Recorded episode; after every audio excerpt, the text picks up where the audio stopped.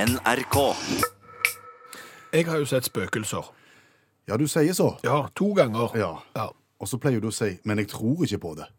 Nei. Og det er verdens største selvmotsigelse. Ja, for så vidt, men jeg eh, har vel gjerne innfunnet meg med at hjernen er et sånn et rart instrument, så du kan innbille deg nesten eh, hva som helst. Så derfor så har jeg sett spøkelser to ganger, men jeg tror ikke på det. Hvordan så de ut? Nei, det var sånn vage mannsskikkelser. Eh, Å ja. Ja, uten helt klare trekk, men eh, ja. Eldre? Yngre? Ja, Vanskelig å si. Men, men det er ikke det det handler om her nå. Eh, For det er jo sånn at eh, jeg har sett spøkelser to ganger og tror ikke på det. Men det er svært mange som tror på spøkelser. Og de som, mange av de som tror på spøkelser, de eh, har jo ikke sett de. Nei. De Fordi bare at- fornemmer at de er der. Ja, de, de, de, de er ikke synlige, men de er i rommet eh, og driver garp. Skrur på fjernsynet når du minst eh, aner det, river ut kopper fra en eller annen hylle og, og, og den slags. Mange tror på det, men har som sagt ikke sett de. Nei. Nei. Og det fikk meg til å tenke på at hvis det er noe i rommet der som du ikke kan se, men som kan se deg Hele veien. Ja. Bare tenk deg nå for eksempel at du er hjemme alene. Mutters hjemme alene, bare deg i, i huset. På et eller annet tidspunkt i ditt liv når du har vært mutters alene og, og er klar over at ingen andre er der, så har du gjort noe dumt. Hm, Ja. ja, det. Du har gjort noe som ikke tåler dagens lys. Ja. Der er de menneskene som har eksperimentert for eksempel med sin egen kropp på unevnelig vis, som de ikke vil stå fram med. Ja, der er de Overfor som har tatt noen. med seg folk hjem til sitt eget hus, som de ikke burde gjort. Å ja, der har du òg, ja. Der har du sjefen som tok med seg sekretæren hjem fordi at han visste huset var tomt. Mm. Da skal du jo tenke på det at hvis du tror da på spøkelser, så har spøkelset lagt merke til alle disse tinga som du tror at ikke eh, noen legger merke til. Spøkelser har sett de utroligste ting. Ja, men de, de har jo det. Men tror du spøkelser snakker med andre spøkelser? Jeg vet ikke om de har sånn formiddagskaffe i at de møter, møter spøkelser fra nabohusene for eksempel, og, og skrur på TV på Garp eh, i det huset, Ja, og men at- neste dagen etterpå så samles de til formiddagste og river ut noen kopper i et annet hus, jeg er ikke sikker. Ja, det er nå det, men jeg tenker, møtes de og, og utveksler hva de har opplevd? Eller har, har spøkelser taushetsplikt? Ja, det er akkurat det jeg er litt usikker på, men hvis du tror på spøkelser, så eh, tror du jo da kanskje også at i det øyeblikket du forlater eh, jordens overflate, og havner i det hinsidige, så skal du jo da i prinsippet treffe disse spøkelsene igjen, Au! Som har sett mye. som, som har sett ting som du tror at ingen har sett, men de har sett alle de tingene du har gjort som ikke tåler dagens lys. ja. Og kan du tenke deg der du går ned den der lyse tunnelen, eller hva du går ned for noe, jeg vet ikke jeg, og så kommer du ut til utgangen, og så møter du noen. ja, Men du vet jo ikke hvem som har sett deg. Jo, det vet du ganske fort. Hvordan vet du? Altså, nei, spøkelsene har du jo ikke sett. Nei, men du ser på noen som vet noe som de ikke burde vite. Det er ganske tydelig, tror jeg. Og, og du møter en eller annen som står med et flir om munnen, og som lyser 'jeg vet noe som ikke du vet'. Da, da, da har han sett et eller annet som du Og så kan han gjerne fortelle om det, i detalj. Og da er det ikke sikkert at du vil være der allikevel. Nei. Hva får vi ut av dette? da? Det, det er noe å tenke på. Hvis det er sånn at vi blir observert. Ja. Jeg kunne tenkt meg å brukt eh, oljefondet til å fremme folkehelsa. Det høres ikke ut som en dum idé. Nei, det, Hvis det er mulig. Det er en kjempegod idé, for jeg har nemlig blitt inspirert av Dubai. Jaha.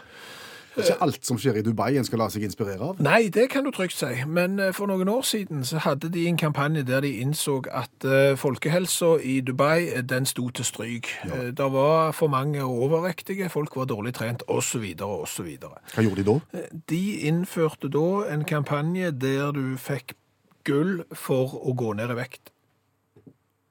Jaha. Ja, Gikk du der et kilo, så eh, fikk du et gram gull. Gikk du ned to kilo, så fikk du to gram gull.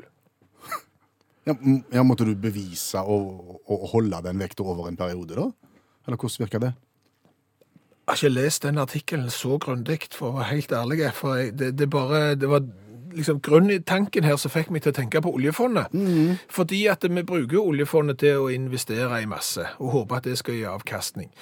Og så vet vi jo det at eh, folkehelse, dårlig folkehelse, overvekt osv., det er dyrt. Det koster samfunnet mye penger. Så hvis en kan bruke oljefondet til å få ned sykefraværet, Ja. så tenker en at det er Da bruker en penger på å spare penger. Ja, det er en utgift til inntektservervelse, heter det vel kanskje, eh, f- for fint. Så kan du f.eks. bruke en 100 millioner for å slippe å betale 300 millioner i sykepenger og sykehusutbetalinger og sånn, så er det vel verdt det. Men hvor kommer Dubai og gullet inn i bildet? her? Jo, da tenker jo jeg f.eks. at du, du kan jo betale folk eh, for å trene. Du kan betale folk for å gå ned i vekt, litt sånn på samme måten som de de gjorde i Dubai. Vi har jo penger på bok, det er bare å f- Pengene skal sirkulere, få brukt det. Så da skal du inspirere folk ved å belønne dem. Ja, Hva er kiloprisen? det er jeg ikke sikker på. Nei. Og akkurat hvordan dette her skal, skal virke i, i praksis, med både innveiing og og utveiing og, og utbetaling og sånn, det er jeg ikke helt sikker på. Her må det komme noen andre. Dette, er- dette er bare en idédugnad. Hvis du, hvis du skjønner. Som begynte nå. Ja. Og litt dårlig oppmøte på dugnaden. Ja, det kan du si. Det var bare meg. Eh, Men, men ideen er jo god. Kanskje. Jo, men altså, tenk deg det da, at eh, du Eller- har vært hos allmennlegen, Ja. og han sier, vet du hva, eh, du har bare måneder igjen. Ja, hvor mange da? Nei, 400 måneder igjen. Eh, Du må gjøre et eller annet med, med, med livet ditt, du må gå ned i vekt. Så skriver du ned en avtale med fastlegen, for eksempel om at du skal gå ned fra 100 kilo til 80 kilo. Mhm. 20 kilo ned. Ja, og så avtaler dere en kilopris i henhold til det nye reglementet nå som er kommet til å utarbeide her i utakt i forbindelse med oljefondet. Og når du da når målet, så får du utbetalt denne summen. Et insentiv til å leve eh, sunnere, begynne å trene og spise bedre. Ja, men da, eh, noen kontrollspørsmål må jeg Ja. ha. Ja. Da må en jo klare å holde den nye vekta, da. Det- Ellers så kan det jo bli en sånn der eh, prosjektbasert for å inn- tjene penger til ferien. Ja, det er jeg enig i. At du rett og slett sulter da for eksempel i de siste to månedene før sommerferien for å få betalt USA-turen, og så lever du i USA som om det ikke var en dag i morgen, og så er du på, tilbake på square one. Ja. Det er jeg helt enig i. Det går ikke. Nei, Og så går det heller ikke at det er folk som ikke trenger det, kommer til å gjøre det likevel for å tjene penger. nei, det kan du heller ikke ha. At en som for eksempel veier 45 kilo, og som burde veid 75, eh, går ned til 35. Sånne ting må du, eh, det, det kan du ikke ha. Nei. Eh, Men, men- men så, så he- jeg sier det er ikke Nei, ferdig jeg vet tenkt. det, men, men, Nei. men kontrolleringen, la, la oss nå gå inn på den. Jeg tenker det kan være litt som for eksempel det trailersjåfører opplever. Hva er det jeg opplever? De opplever at eh, plutselig så er det en sånn kontrollstasjon langs veien. Og så Tom, må, tom bilkontroll! ja, så må de inn, og så må de veie og se om de har sikra lasten sin riktig. Om de kjører med for mye vekt eller ei. Og kjører de med for mye vekt, ja, da må de stå over. Ok. For, for eksempel, det kunne vært litt sånn. Hva med lisenskontrollørene? Du skulle ikke brukt dem i stedet for? Ja, for de skal jo ikke rundt og kontrollere lenger på døra. De, de kunne kommet rundt med baderomsvekt. Og Du vet, det, for det er jo sånn at de som eh, driver med idrett, de forventer jo at plutselig en dag så kan det komme en dopingkontrollør på, på besøk. Du må hele veien si 'hvor er du i verden', sånn at dump, dop. Det her, er du med på dette? Altså inntekt og utgift, altså dette skal koste litt. Sånn at eh, ei oppside må være da å få penger, men u- ulempen må være plutselig så får du en med baderomsvekt på døra. Utakt fortsetter i NRK P1. Vi snakket nettopp om eh, overvekt. Eh, Har du lurt på eh, hvor i verden det er flest overvektige? Nei, Nei, ikke før nå. ikke, ikke før nå, nei. nei. Så du lurer litt på det nå? Kjente på det, ja. Vet du hva, da passer det å gjøre sånn.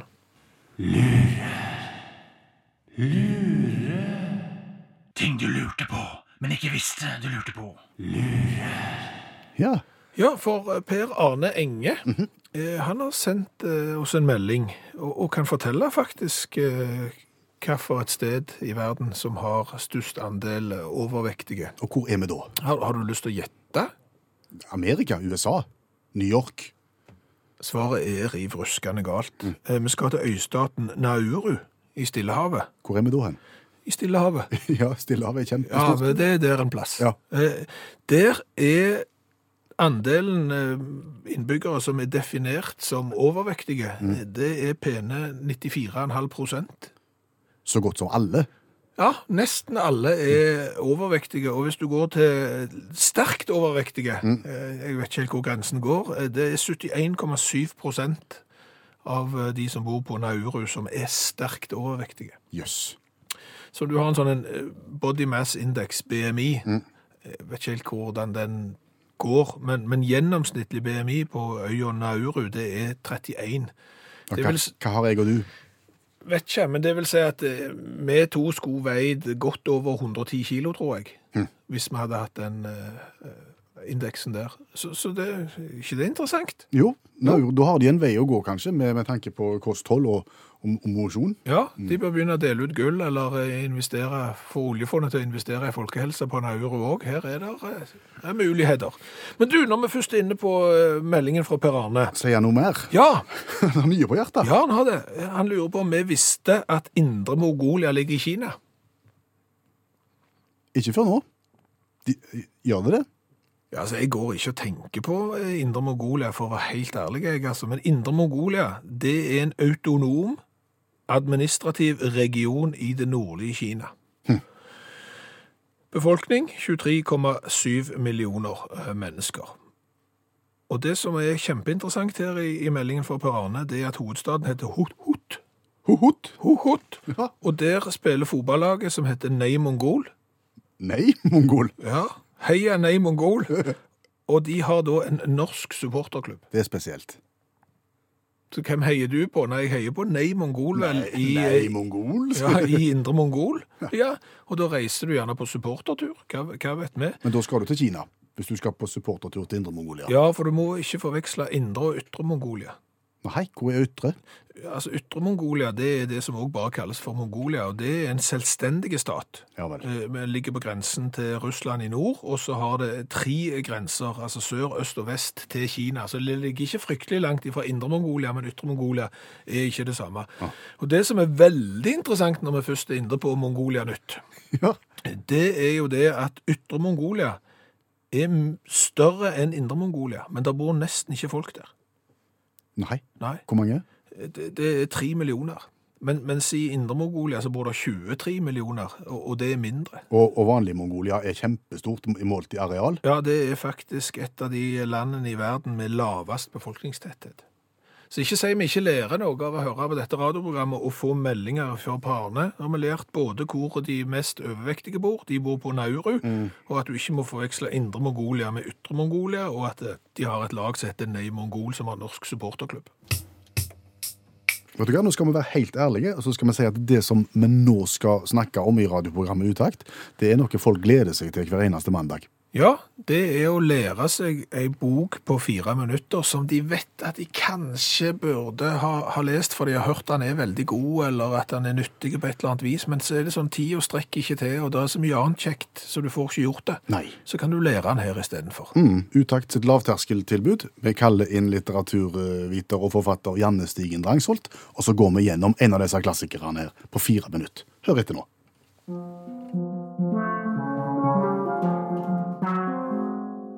Med kaldt blod fra 1966 av Truman Capote. En gårdbrukerfamilie i Kansas blir brutalt drept i 1959. Truman Capote drar til Kansas for å skrive om forbrytelsen. Etter seks uker blir to unge menn pågrepet for ugjerningen. Truman Capote skriver om det òg. Er han journalist? Han er journalist, Er det krim? det er krim! Eller dette er faktisk den første true crime-boka som ble skrevet noen gang. Så derfor syns jeg det var litt kjekt å ha med denne. True crime, altså krim fra virkeligheten. Ja, helt riktig. Og det er faktisk den nest mest solgte true crime-boka i verdenshistorien. Den eneste som har solgt mer, det er ei sånn ei bok som ble skrevet av Manson-familien på 70-tallet. Huh. Så det som skjer, det er at eh, Truman Capote han er eh, journalist fra, fra New York. God venn med Harper Lee, som også har skrevet ei veldig berømte bok. Reiser de til Kansas for å eh, skrive om denne forbrytelsen. Til avisa. Ja, og så blir han værende, og så når de tar disse eh, to eh, unge mennene da, og fanger de, så begynner han å intervjue de, og så blir det til denne boka. Så det er liksom en bok som er delt inn i, eh, du får liksom høre litt eh, stemmene til de som er døde, og får høre liksom hva som skjedde, du får høre om nåtida, og om de to som har gjort det, og så får du høre om liksom de, de som bor i den byen der som dette skjedde. Dette hørtes jo alvorlig spennende ut. Ja, det er kjempespennende. Eh, og så er det helt sånn utrolig eh, fascinerende å lese, for denne her forbrytelsen her, den skjedde jo liksom på landsbygda, altså vi snakker jo Kansas, eh, så det, at den ødela jo hele det lokalmiljøet, for folk hadde liksom, ja, det hadde vært et sånn et samfunn hvor folk ikke låste dørene, og hvor alle liksom snakket med alle, og så gikk det til å bli et samfunn hvor folk isolerte seg, og liksom ikke stolte på hverandre, rett og slett. Da ble jeg forveden på hvordan det gikk med de som ble tatt. Eh, Ja, skal jeg si det? skal vi? Kan vente litt. Ja, kan vente litt. For det som jeg lurer på, er om Altså I forbindelse med krimreportasjer i media så blir en ofte kritisert fordi at en framstiller bare den ene sida. En klarer ikke å se s- s- sammenhengene og, og det store bildet her. Er det sånn at en får se begge sider her? Mm, og det er veldig fascinerende. Og han utvikla jo et, sånn, et ganske sånn nært forhold til disse her to som, som ble fengsla for, for ugjerningen. Og det, det er veldig interessant. Altså, Eh, denne, denne her boka er anbefaler jeg virkelig til, til alle, for den er veldig spennende. Eh, så han har jo blitt kritisert for å, eh, at han har funnet på ting og endra litt på ting og sånn, men, men, men, eh, men det er liksom småting. Altså, det er ikke noe sånn alvorlig. Så det, det er en veldig fascinerende beskrivelse av både forbrytelsen, av konsekvensene som den fikk, og av liksom begge sider, da. Får en sympati for de etter hvert? Nei. De er veldig kjipe folk. Er det et berømt sitat? Ja, der er det. Misunnelse var en følelse han alltid bar på. Fienden var den som var noe han ville være, eller hadde noe han ville ha. Hvordan gikk det med de? Nei, det gikk ikke bra. Det gikk ikke, ikke bra. Det gjorde ikke det. Sånn som det gjerne går i USA. Med, ja, OK. Ja, men, men, men det, er ned den, det er ned den gangen der. Ja, ok. Spennende bok. ja absolutt. Eh, Klarer du å oppsummere? Bitte litt. Jeg føler ut ifra det sitatet der at det blir som å dele ut yoghurt i en fransk familie med fire barn. At hvis du ikke har den yoghurten du sjøl vil ha, så er det om å gjøre å ha den yoghurten som den andre har, som vil ha den yoghurten som du vil ha, og dermed kan du bytte. Hvis ikke tar du livet av de. Ja, Godt oppsummert. Er dette erfaringen du har eh, tatt med deg som au pair i Frankrike? Merkte du det? Ja. Ja, det stemmer. Har du mer du vil fortelle? Jeg tror det var et sterkt nok inntrykk for de fleste å ta inn over seg. Jeg syns du traff det veldig på kornet. Nå har jeg fikk sånn frysninger på ryggen. Dette, dette kom rett fra hjertet. Tusen takk, Janne Stigen Drangsholt, forfatter og litteraturviter.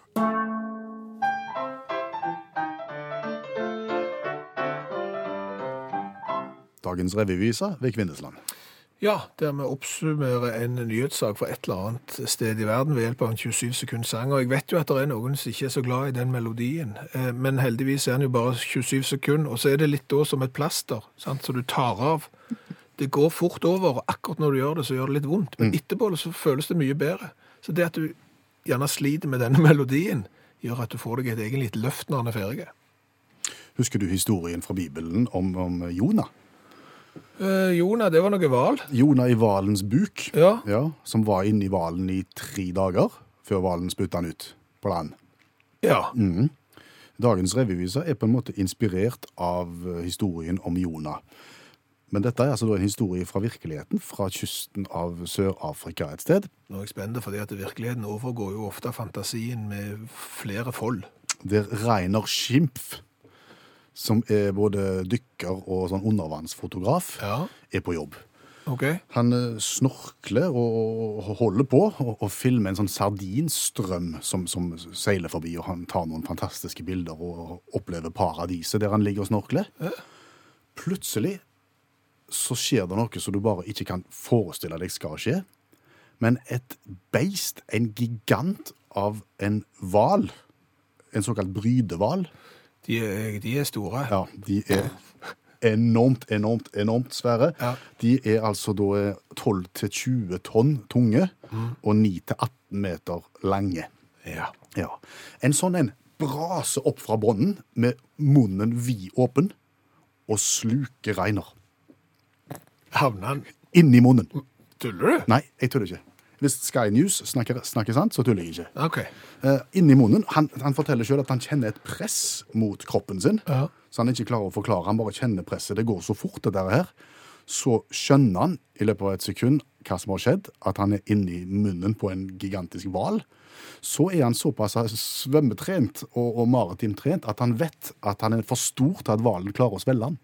Å ja. Så da blir han litt glad inni seg et lite sekund. Å ja, han tenker nå blir jeg snart spytta ut igjen. Ja, for dette, her- han kommer aldri til å klare å svelge meg. Og, men han tenker jo at han siste dag er kommet likevel, fordi at det, det presser på inni der. Ja. Det gjør det.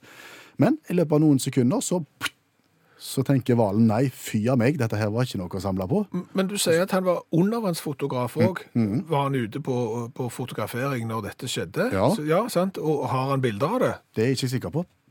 Men det er mulig at kameraet ble eh, skrudd av i, i i forflippelsen der, det vet jeg ikke. Ja, det er litt som når du glemmer å ta bilde av det, altså. Tenk det. Det hadde vært bedre dokumentasjon enn noe. Det jeg skal gjøre, jeg skal legge ut eh, linken til saken til Sky News, og så kan en jo se selv om det fins film inni der en plass. Ja. Men her er sangen om Reiner og Valen.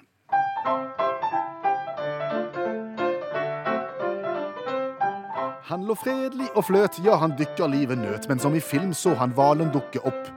Som et monster fra bunn og med vid åpen munn, 20 tonn mot bitte liten dykkerkropp. Og da tenkte han, nå ender jeg som Jona.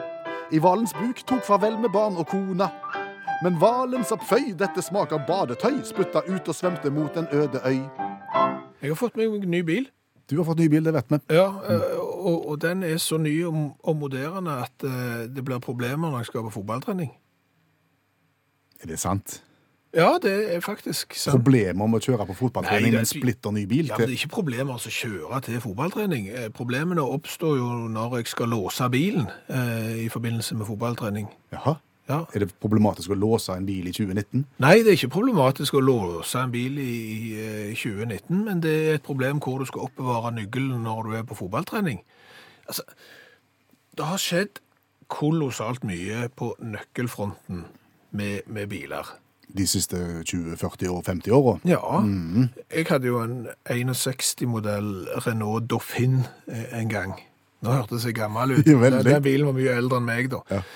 Men den var jo sånn, da hadde du en fysisk nøkkel med tagger, tagger på, Ja. sant? og så låste du døra når du gikk ut av den. Eh, fordelen med den var jo at når du da skulle inn igjen igjen, så trengte du ikke nøkkelen. Da kunne du bare trykke fingeren på selve dørlåsen og vri fingeren rundt, så åpna du bilen. Enkelt og greit. Ja. Jeg har kjørt Volvo Amazon og åpna Volvo Amazon med en sånn sardinboksnøkkel. Virka det? Det virka. Først døra, og så inn i svitsen, som jeg sa. Og tututum, der starta Svitsen. tenningsnøkkelen. Og tenningslåsen er svitsen, det. Det er svitsen. Ok, nå, nå sklei det ut. Men, men det var jo godt at folk ikke da visste at du kunne åpne Doffinen eller den der Volvoen med bare liksom eh, en sardinnøkkel. Men, men da hadde du en fysisk nøkkel. Mm. Den nøkkelen, den tålte jo eh, vær og vind. Ja. Så skjedde det ting. Så skjedde det ting. Så begynte jo disse elektroniske eh, trykknapplåsene å komme, at du trykker, trykker på nøkkelen, og så åpner døra og lukker seg.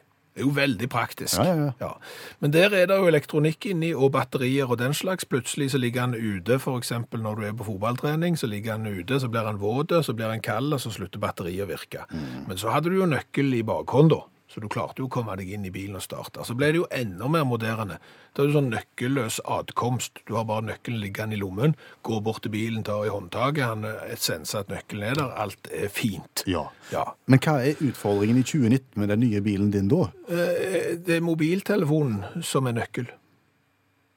Mobiltelefonen Ja. er nøkkelen. Ja.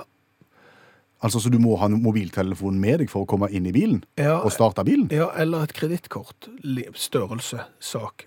Ok. Og og har du mobilen, da, Ja. og, og skal på fotballtrening, så er det jo sånn at mobiltelefonen er fort ganske dyre.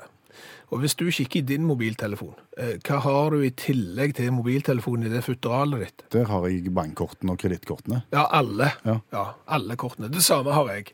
Og dermed så er det jo litt skummelt når du da går ut av bilen, og så går du ned til fotballbanen, og så er det vanlig da at vi bare setter oss på innbytterbenken der, tar av eh, treningsjakken og, og legger bilnøklene på eh, innbytterbenken, og så begynner vi å spille fotball. Da må du egentlig legge igjen mobiltelefonen din. til x antall tusen med alle kredittkortene i.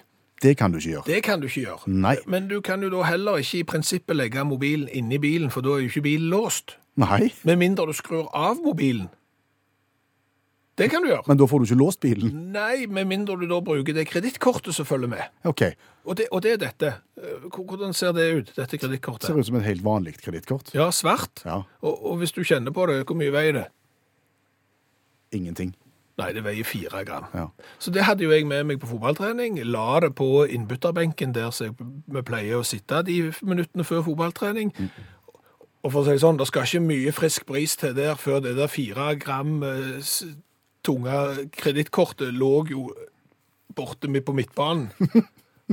Ok, så det du sier at nå har teknologien gått for langt, nå er det blitt egentlig litt tungvint med mobiltelefon og kredittkort i visse sammenhenger. Mhm. Så bilindustrien burde kommet enda et hakk lenger, tenker du. Og hva skulle vi lansert da? Det er her det kommer det geniale. Oi sann. Ja, du får det igjen. Kom an. Ja, men altså, den eh, mo- mobiltelefonen som vi har når, når vi liksom skal inn på den mobiltelefonen istedenfor å taste en kode, Ja. eh, hva gjør vi da? Ja, Da kan du bruke fingeravtrykksavlesing. Ja, vi bare legger fingeren bortpå eh, en knapp, og så går det Ops, så er den åpen. Det kan naboen min på ytterdøra si hjemme på huset òg. Ja! Hvorfor har vi ikke sånn på bilen? At vi bare går bort til bilen, og så på et punkt på bilen, så bare trykker du tommelen bort. Vips, så er bilen åpen, og så kan vi kjøre. Og du hadde sluppet å ha disse kortene. Ja. Bortsett fra at sikkert norske salta veier hadde ødelagt det der eh, systemet etter ca. tre kvarter. Hva har vi lært i dag? Og vi har lært kolossalt mye, og det passet jo veldig godt at du spilte Watching the Wheels nå. Mm, Hva da for? Eh, For hjulene på bussen de går rundt og rundt, og har lært av Jan i Sundbyfoss at i dag er det bussjåførenes dag. Oi! Ja. Gratulerer til alle bussjåfører. Ja, så smil ekstra til en bussjåfør og hjelp bussen fram. Det er bussjåførenes dag. Eh, Så har vi jo lært litt om moderne nøkler på bil. Ja, det er ikke bare enkelt. Nei.